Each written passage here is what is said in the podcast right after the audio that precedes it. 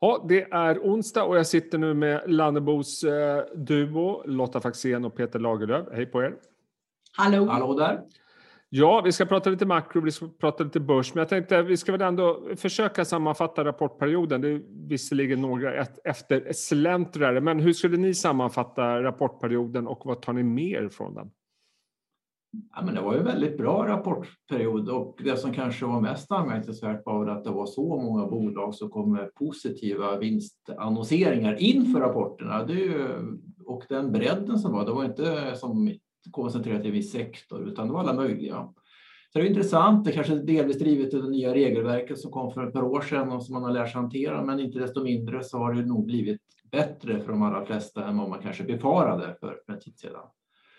Sen kan man väl konstatera som tidigare Lotta att det var framför allt kostnadsneddragningar mm. fortfarande som är det som är de, de överraskar, alltså Försäljningen överraskade lite grann, men det var ingen jättestor avvikelse egentligen. Men däremot var vinstnivån klart mycket bättre än förväntat. Ja, men det som vi har pratat ganska mycket om också, det är ju att många bolag de eh, sa ju faktiskt att ja, men kostnaderna kommer inte komma sjunka kommer inte sjunka så himla mycket härifrån utan det känns ju som att bolagen börjar räkna med att mässor och resor och sånt kommer igång till mm. hösten igen. Eh, men och sedan har vi kollat ganska mycket på hur analytikernas prognoser ligger för nästa år och så. marginalerna ska ju upp eh, nästa år igen. Och då tror jag det kommer komma en viss krav på försäljningstillväxt för att, mark för att eh, marginalerna ska vidare upp ja. trots att mm. de annonserar kostnadshöjningar. Och, och, nu går vi in på ett kvartal med eh, väldigt speciella jämförelsetal. Eh, mm. liksom när coronan verkligen slog till med full kraft förra året. Eh, innebär det att vi kan förvänta oss eh, väldigt bra rapporter även i Q2 och Q3? Eller är det förväntat? Ja, det är ja. förväntat, men jag vet inte. Det känns väl som en konsensusbild att mm. konjunkturen ska bli väldigt bra från nu och framåt. Sen är man frågan hur stark den ska vara. Men det som kan hämma lite, det är ju det som bolagen har sagt om att det är brist på halvledare. Ja. Råvarupriserna stiger. Man vet inte hur mycket man lyckas få ut i eh, prishöjningar. Sedan kommer vi säkert få någon sån här skyll på stoppet i Suezkanalen som var i april och sådär också. Ja, alltid kunna Passa på att lägga in något sånt också. och, och, Peter, du nämnde konjunkturen där, att det finns en förväntan om att nu ska konjunkturen liksom bara mm. fortsätta uppåt. Är det det du ser i siffrorna också i statistiken som kommer, att det är eh, bra? Jo, men absolut. Man ser väl i de här länderna som är, eh, ja, som, ja ta USA exempelvis, alltså både inköpschefsindex både för mm tillverkningsindustrin och tjänstesektorn var på rekordnivåer i mars. Sen föll de tillbaka lite, något i april, men det är ju väldigt höga nivåer. Eh, I Europa så ser man väl inte riktigt exakt samma mönster, men där är ju samma mönster i tillverkningsindustrin skulle jag säga, medan tjänstesektorn är fortfarande påverkad av de här nedstängningarna och eh, det är väl bara en tidsfråga innan de börjar röra sig uppåt. Vi fick ju det tyska IFO-indexet eh, i år eh, och eh, där kan man ju konstatera att detaljhandeln är ju fortsatt ganska dyster men det är en påtaglig förbättring jämfört med de senaste månaderna.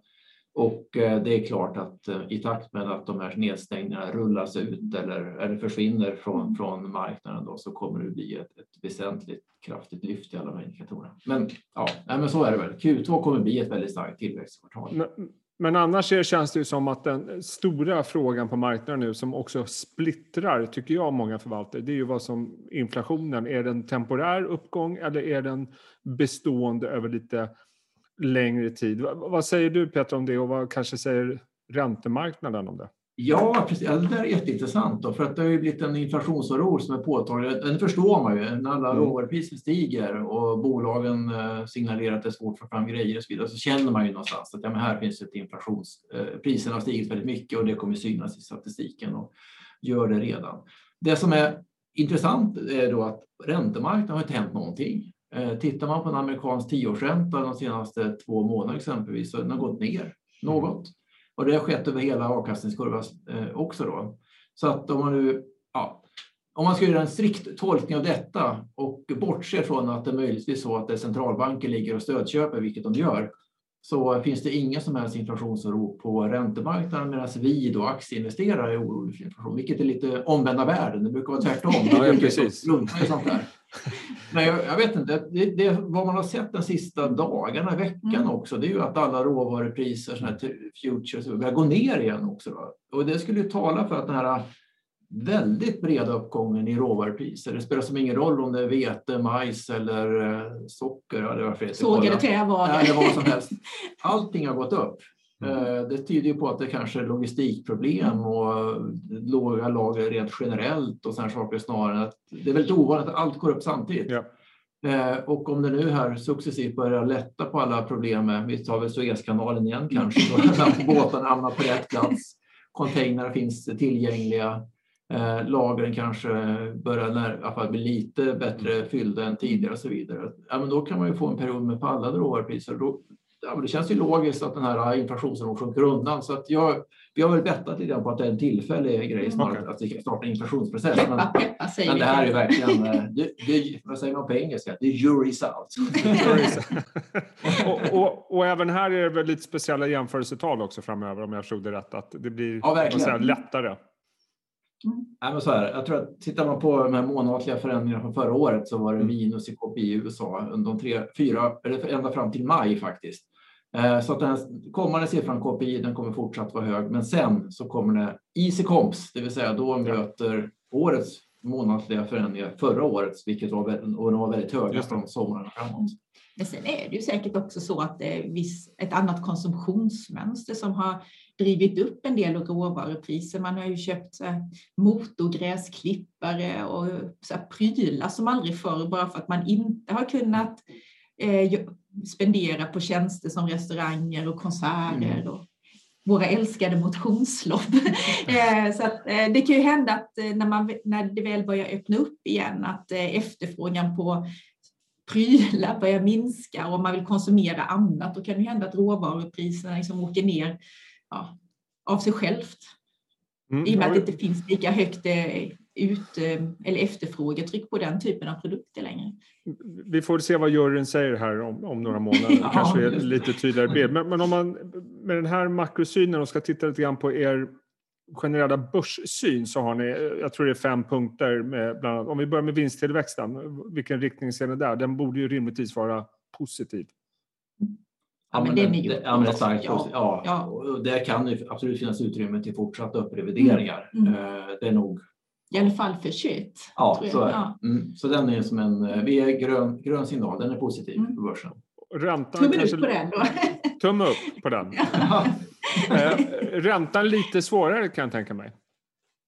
Ja, det är Den är ju fortsatt låg, men ja, riktningen. Men kvar på de här nivåerna, jag vet inte, säger man amerikansk, eh, om det blir mer övertygad om att det blir den här en inflationsimpuls som är övergående snarare mm. att det blir en inflationsprocess som blir ett, ett problem ja, men då är ränt, dagens ränta, då kommer inte upp, räntan gå upp speciellt mycket på den här nivån under det kommande året och det blir också en positiv mm. faktor för att det är fortsatt, det är samma egentligen jakt på avkastning nu som det var för, ja. för eh, ett år sedan eller ett halvår sedan. Det är ju fortfarande väldigt oattraktivt att placera i, egentligen i, ja, på bankkonto ja. säga, eller andra räntetillgångar. Då.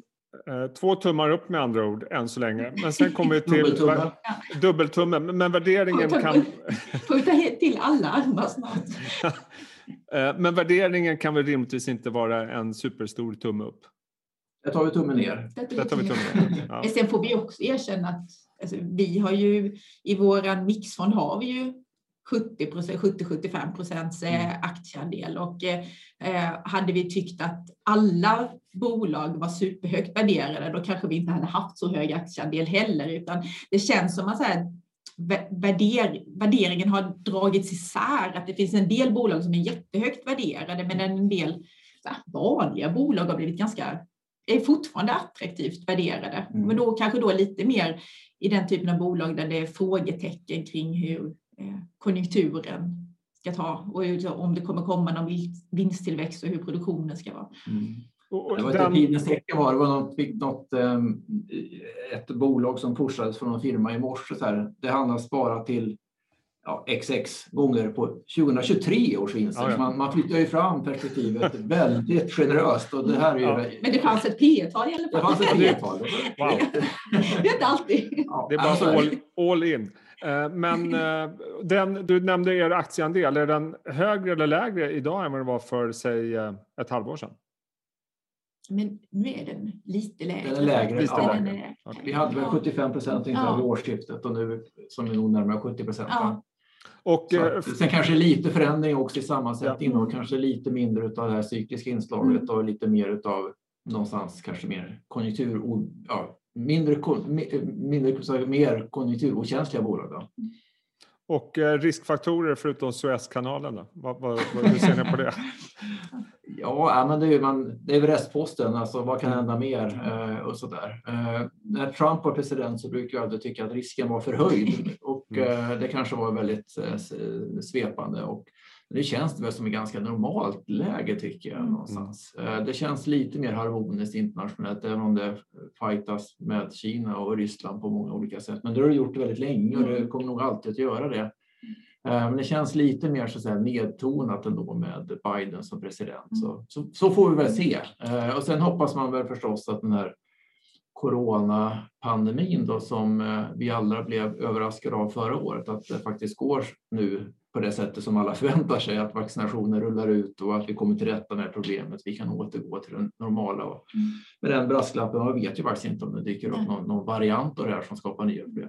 Vi får väl se, man är ödmjuk inför det. Men I USA så ligger man ju före med vaccinationstakten och där är det ju där har man ju börjat eh, kalla tillbaka folk igen till sina kontor från första juni på många kontor i New York och så. så att, eh, Mm. ja, man får väl hoppas nästan att det händer i, här i Europa också. Vi, vi håller tummarna för det. Så att, eh, slutsatsen kring det här, vad, vad ska man säga? Att det är överlag en eh, fortsatt positiv börssyn. Alltså, ja, det är det väl. Det var två, vad sa vi, två dub, dubbeltumme upp, en Ja. tumme ner och sen så har vi risken neutral så att det blir ju som lite lätt positivt. Då. Mm. Okej. Mm.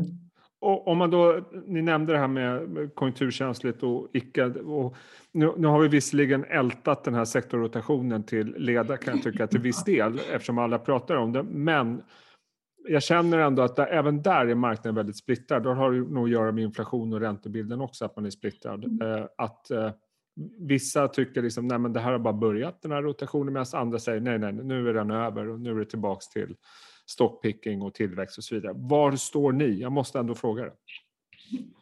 Ja, frågan är fri. Ja, men, men vi har ju, alltså vi, stå, jag vill säga lite, vi tittar ju inte, vi tittar ju såklart på det för att Ja. det måste vi göra. Men vi har ju både en del lite högre värderade bolag i våra fonder och en del som är Mm. lite lägre värderade. Så att jag skulle säga att vi har någon form av blandportfölj. Ja. En, mix, en blandportfölj i mixfonden. Då. Okej. Men har det inte varit, tittar man i USA så har det varit en ganska tydlig sån här sektorrotation från, från growth till value. Den är väldigt tydlig. I Sverige är det ju inte riktigt lika tydligt och det beror väl delvis på, eller i Norden kan man säga, det beror väl dels på att det är inte så många bolag i respektive sektor, lite svårare att göra de här, Ja. tycker jag. Vad man kan konstatera det är väl att bank har gått bra exempelvis och det i alla fall några av de stora bankerna har ju gått väldigt bra i år och det är ju nytt någonstans och det är ju en värdesektor och sen finns det ett antal andra bolag som har värderats upp men det kanske är sådana bolag som har problem tidigare. Jag kan, jag kan ta exempelvis Bonava, det är ett litet bolag men, men som ett exempel. Då. Eh, men sen har vi de här eh, gamingbolagen, de står ju fortfarande högt. Eh, Jag tittade på de här Evolution och det är upp 88 procent eh, year to date och sådär. Så att, eh, och, så finns det, och hela de här spelbolagen har gått väldigt bra, då, gambling och så vidare. Så att, jag vet inte, det känns inte riktigt lika tydligt. Jag tror det värderingsgapet mellan de högst värderade bolagen och de lägst värderade bolagen Ja. som då gick isär väldigt mycket de senaste åren, det är, fort, det är oförändrat Mm. i stort sett. Så att, jag tror man får jag vet inte, kanske ett, ett mittemellansvar, men stockpicking kommer nog fungera bra. Och jag har lite svårt att ansluta mig till det. Det är mycket svårare här tycker jag, value growth-temat i Sverige. I USA känns det enklare. Och eh, en annan sektor som det har tidigare talats extremt mycket om. eh, Jag tror inte jag fick ett samtal förra året där inte förvaltaren ville prata ESG. Eh, I år har det nog inte varit någon som vill ha pratat ESG. Nej. Och, och det är väldigt tyst om det. Så därför tänkte jag att vi gör det. Eh, Ja, för sakens skull. Eh, Ja. För, för, jag menar, det, det ligger väl kanske i sakens natur att man inte pratar så mycket om någonting som går ner. Nej, det brukar ju vara så. Ja. Nej, men faktum är ju att eh, Alltså det kom ju ut eh, otroligt många, alltså ESG det är ju så himla brett ja. eh, tema, men det kom ju ut väldigt mycket bolag med fokus på förnyelsebar energi under förra året. Mm. Eh, så att, eh, och det kom in väldigt mycket pengar i den typen av fonder och, och ETFer eh, e och det skapades nya produkter för att kunna vara med på det här förnyelsebar energitemat. Och nu känns det som att det har åkt ut ganska mycket pengar ur den typen eh, av fonder i år och det har ju liksom dragit med sig alla bolag. Vi investerar ju inte i de här bolagen som inte tjänar pengar eller där intjäningen ligger väldigt långt fram, utan alltså jag tycker att vi, vi investerar i etablerade bolag som har både EPS och ganska anständig värdering, men allting har mm. åkt med ändå. Det har inte liksom gått att gömma sig någonstans. Mm. Men, men, har det varit mer flödesstyrt då menar ni? Att, eh, för jag menar den strukturella förändringen finns ju där. Det, det är ju liksom ja, inte en, en coronagrej eller någon kortsiktig grej. Mm. Jag kan ta ett exempel. Jag tror mm. att det var, var det Standard Poor's som hade skapat en ETF eh, under förra året som investerade i bolag inom förnyelsebar energi. Det var nog ett, att det var ett, eh, två stora amerikanska ETFer som var kopplade till ett eh, Standard Poor's eh, energi, ja, renewable index. Ja, men precis. Och då var det väldigt många som ville investera där. Det här var globalt. Mm. Eh, men det innehöll 30 aktier, de här mm. indexen, och då blir det väldigt koncentrerat. Jag vet att bland annat svenska Powercell eh, okay. var med i det indexet och det är inget jättebolag. Eh, men sedan så skulle man göra om det här indexet och de här 30 aktierna skulle bli, vad var det, 60 eller 75 eller någonting och då blir det så här olika rörelser. Så att jag tror att det är mycket så här flödesstyrt, eh, olika kompositioner av olika benchmark. Man håller på att skapa väldigt mycket nya benchmark inom det här området och då som åker aktier fram och tillbaka utan att det kanske har hänt någonting fundamentalt i bolagen. Mm. Men, men, kan det vara så att ESG går igenom liksom en, en mognadsfas som många andra sektorer och delsektorer gör? Att det blir lite mera, mindre homogent om man säger så? Mm. Jag tror att det handlar, tittar man på ESG, det är otroligt brett. Nu pratar vi ESG så pratar vi renewables som är ja. en del av E1. Ja. Eh, eller, ja, så att det blir väldigt smalt då. Men det som, hände, det som har hänt är väl framför allt de bolag som sysslar med inom eh, renewable, alltså renewable. Ja, just det, lite vind och sol och vätgas och sånt mm. där som då blev extremt påsatt förra året. Det har ju tappat väldigt mycket. Mm. Underliggande så finns ju drivkrafterna kvar och de kommer att vara väldigt starka. Då. Um, och sen kan man titta igen och i Sverige så kan man säga, jaha, vad är, vad är mer andra för ESG-aktier? Ja, eller E-aktier då. Ja, då Nibe är en typisk sån E-aktie. Den har gått väldigt bra i år. Så mm. jag tror att det är det här lilla klustret. Uh, men jag tror ESG jag tror det blir för brett också. Det blir håst och sen nu vill alla bolag kalla sig någonstans, eh, någonstans ESG-bolag och sånt där. Så får det väl mogna till som du säger. Ja, just det. Och sen får vi väl se vad den här eh, taxonomin och den typen av regelverk, hur, om det kommer styra oss investerare eller hur det kommer påverka bolagen. Men jag tror hela den här, och det är vi väl helt eh, övertygade om, att hela den här omställningen från fossilt till någonting annat som ska göras egentligen överallt i alla delar av världen mm. och eh, i alla olika, kommer ju påverkas väldigt många sektorer och det kommer ju vara en tillväxtområde som kommer då pågå i decennier framöver. Så att det känns ju konstigt om man bara skulle bortse från det här. Jag tror snarare att det, den trenden kommer att vara jättestark de kommande ja, under väldigt lång tid. Och man får ju ha lite is i magen också. Det, man kan ju inte döma ut en sektor för att den har gått dåligt i ett kvartal heller, när de underliggande drivkrafterna finns där. Mm. Jag kan notera avslutningsvis att eh, senaste veckan har jag fått ett antal samtal eh, från förvaltare med ESG eh, e som, som vill promota sina ja. ESG-fonder. Så det kanske är lite grann, för det har varit verkligen dödstyst i, i mm. flera månader. Men nu börjar det koka lite grann. Mm. Så att vi får ja, se. Ja. Värderingen har kommit ner så att de värderas ju faktiskt en del av de här bolagen. Liksom är, ja, den norska Scatec exempelvis som, mm. vi, som vi har i våra portföljer. Och, Ehm, ja, det är klart att vinstprognosen är alltid osäkra i sådana här bolag där det är mycket projekt som bedrivs i, i, stora, i konstiga länder eller i ovanliga länder. Så här, men värderingen där är ju inte högre än på ett uh, högt värderat verkstadsbolag exempelvis. Nej. Och tillväxtutsikten lär ju rimligtvis vara ganska goda och det är ett bolag som tjänar pengar idag också. Det är inte projektfinansiering till någonting som ska tjäna pengar om, om uh, fem år. Och så där. Som ett exempel. Så det har hänt någonting också i värderingen. Ja, eh, intressant hörni. Kul att snacka med er igen. Eh, hoppas ja. ni får en eh, riktigt bra sommar. Och att vädret, vädret hos er är bättre än vad vädret är här. Idag är det inte det. Skönt att höra. bra hörni, sköt om er. Ha det så bra. Ha det bra.